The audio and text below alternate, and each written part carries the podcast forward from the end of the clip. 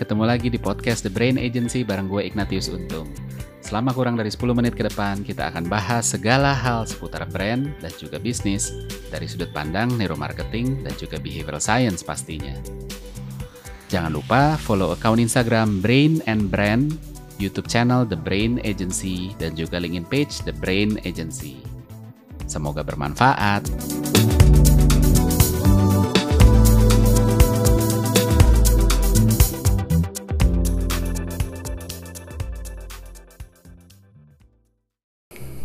Segala sesuatu tuh selalu ada yang bagus, ada yang jelek, ada yang pinter, ada yang kurang pinter, ada yang tinggi, ada yang pendek, ada yang gemuk, ada yang kurus, ada yang baik, ada yang enggak. Nah tapi semuanya tuh sebenarnya selalu ada gunanya kalau kita bisa ngelihat konteksnya gitu ya.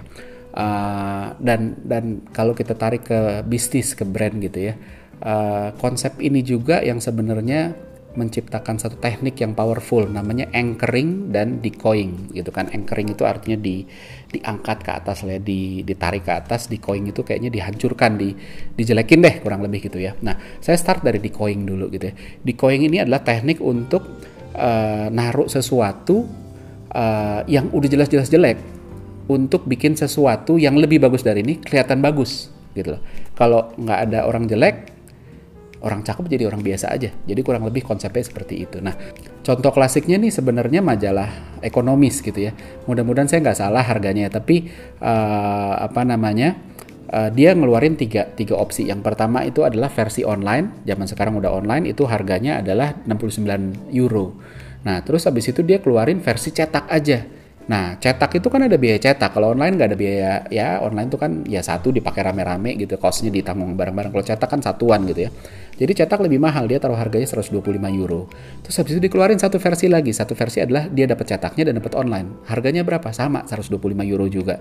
Nah, dari sini opsi ketiga yang cetak dan online yang banyak dipilih gitu kan. Karena apa? Orang mikirnya, ih daripada saya ngambil yang cetak 125 atau yang online doang ini dapat dua-duanya harganya harga satu kurang lebih kayak gitu.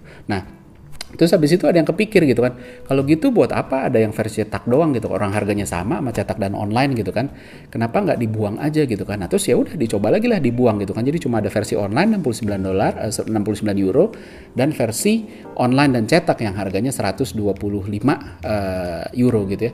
Nah yang tadinya mayoritasnya banyak yang di online dan cetak mulai pindah mayoritasnya pindah ke online. Kenapa? Karena nggak ada yang opsi tengah yang yang mendikoy nih yang untuk didikoy yang yang untuk dihancurkan sehingga yang atas ini yang opsi C ini jadi lebih menarik sekarang nggak ada. Jadi komparasinya tuh ya kayak ya udah tinggal orang mau yang murah apa yang mahal kurang lebih gitu. Jadi uh, itu tadi. Nah terus yang kedua itu tadi di coin gitu. Jadi produk dimasukin yang udah jelas-jelas jelek gitu ya untuk membuat produk yang lebih bagus dari ini kelihatan bagus banget gitu kan uh, untuk mendorong ke sana. Nah, yang kedua adalah te teknik anchoring. Anchoring ini untuk membantu mendapatkan sesuatu uh, dengan cara orang ditarik untuk tertarik ke sesuatu terus tapi habis itu dibelokin ke sesuatu yang uh, lebih cocok buat seseorang gitu. Contohnya adalah saya ngalamin sendiri tahun 2007 kalau nggak salah. Saya pegang satu merek uh, apa namanya satu brand uh, elektronik, consumer elektronik ya AC khususnya. Terus ada satu kompetitor kita dia ngeluarin AC waktu itu AC pertama kali yang ngeluarin abis zamannya SARS waktu itu di Hong Kong ya.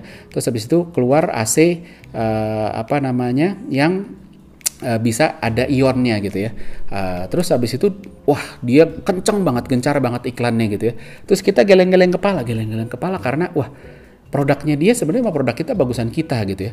Tapi kok dia bisa kenceng banget gitu loh. Kenapa kita nggak berani kenceng beriklannya? Karena kita tahu bahwa kedua produk ini baik produk saya dan produk dia itu sama-sama mahalnya luar biasa. AC waktu itu harganya cuma sekitar berapa ya 2 jutaan. Waktu itu AC kita berdua ini itu harganya bisa paling murah itu 7 sampai 9 juta.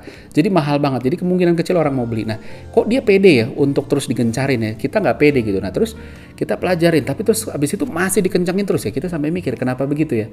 Terus kita lihat data, kita lihat data, loh penjualan dia sebenarnya ya naik tapi nggak nggak nggak nggak kencang-kencang banget gitu kan lebih banyak sebenarnya yang nomor duanya nah kita mulai curiga loh kok market nomor dua kita mulai digerogotin sama sebelah. Yang atasnya kita ya kalah juga, tapi kan mereka uh, bakar uangnya gila-gilaan. Nah terus habis itu saya mulai deh nongkrong di Glodok. Waktu itu masih zamannya orang beli elektronik secara offline. Itu saya tungguin, saya amatin gitu kan. Ternyata orang datang ke sana mengharapkan AC yang flagship ini yang bagus ini yang harganya 9 juta ini gitu ya.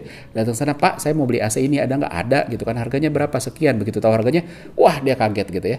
Nah cuma ternyata ini dijadiin buat anchor untuk narik orang naik ke atas tertarik sama brand ini terus habis itu persepsinya udah bagus kan? Nah tapi walaupun nggak beli terus habis itu Eh, penjualnya udah di training untuk Pak kalau mau jangan beli yang ini yang di bawahnya aja nih lebih murah fiturnya juga oke okay kok gitu kan. Nah banyak turun yang kedua. Jadi AC yang flagship ini digunakan untuk anchoring ke atas walaupun pada akhirnya tuh habis itu dibelokin uh, ke sebelahnya gitu ya. Nah kalau nggak ada bagus dan jelek yang tadi dua ini nggak bisa nggak bisa jalan gitu. That's why makanya learningnya mahal dan murah itu sebenarnya relatif gitu ya. Kita nggak bisa bilang mahal, murah, bagus atau jelek itu relatif. Kalau kita memposisikannya dengan benar, sebenarnya bisa bagus. Makanya orang-orang marketing nih terutama ya harus jago tentang bikin konteks, tentang framing gitu ya. Uh, kita juga sehari-hari kalau kita ke pasar, kalau kita belanja, kalau kita ke mall, uh, mall enggak sih, tapi apa pun yang bisa ditawar gitu ya.